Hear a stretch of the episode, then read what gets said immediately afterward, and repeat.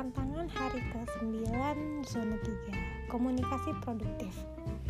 Hari ini partner saya kembali bersama anak-anak dengan Aishka 5 tahun 4 bulan dan Ainaya 2 tahun 10 bulan.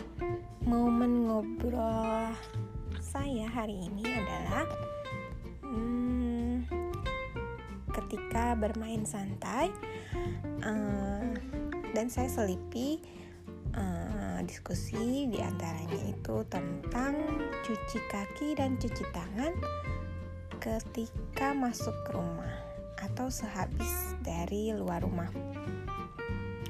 Temuan saya hari ini adalah hmm, ketika anak-anak habis uh, bermain di luar uh, lupa cuci kaki dan tangan sebelumnya komunikasi produktif yang saya rubah uh, sebelumnya me lebih ke um, apa ya sedikit memerintah dengan nada suara tinggi untuk cuci kaki dan cuci tangan.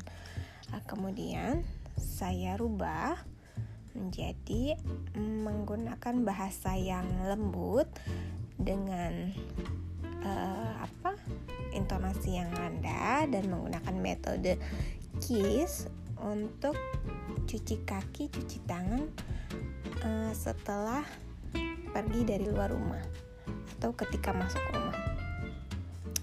Dan responnya, uh, alhamdulillah mereka menerima dengan ceria dan uh, lama kelamaan setiap kali mereka habis dari luar langsung masuk kamar mandi cuci tangan dan cuci kaki. Alhamdulillah assalamualaikum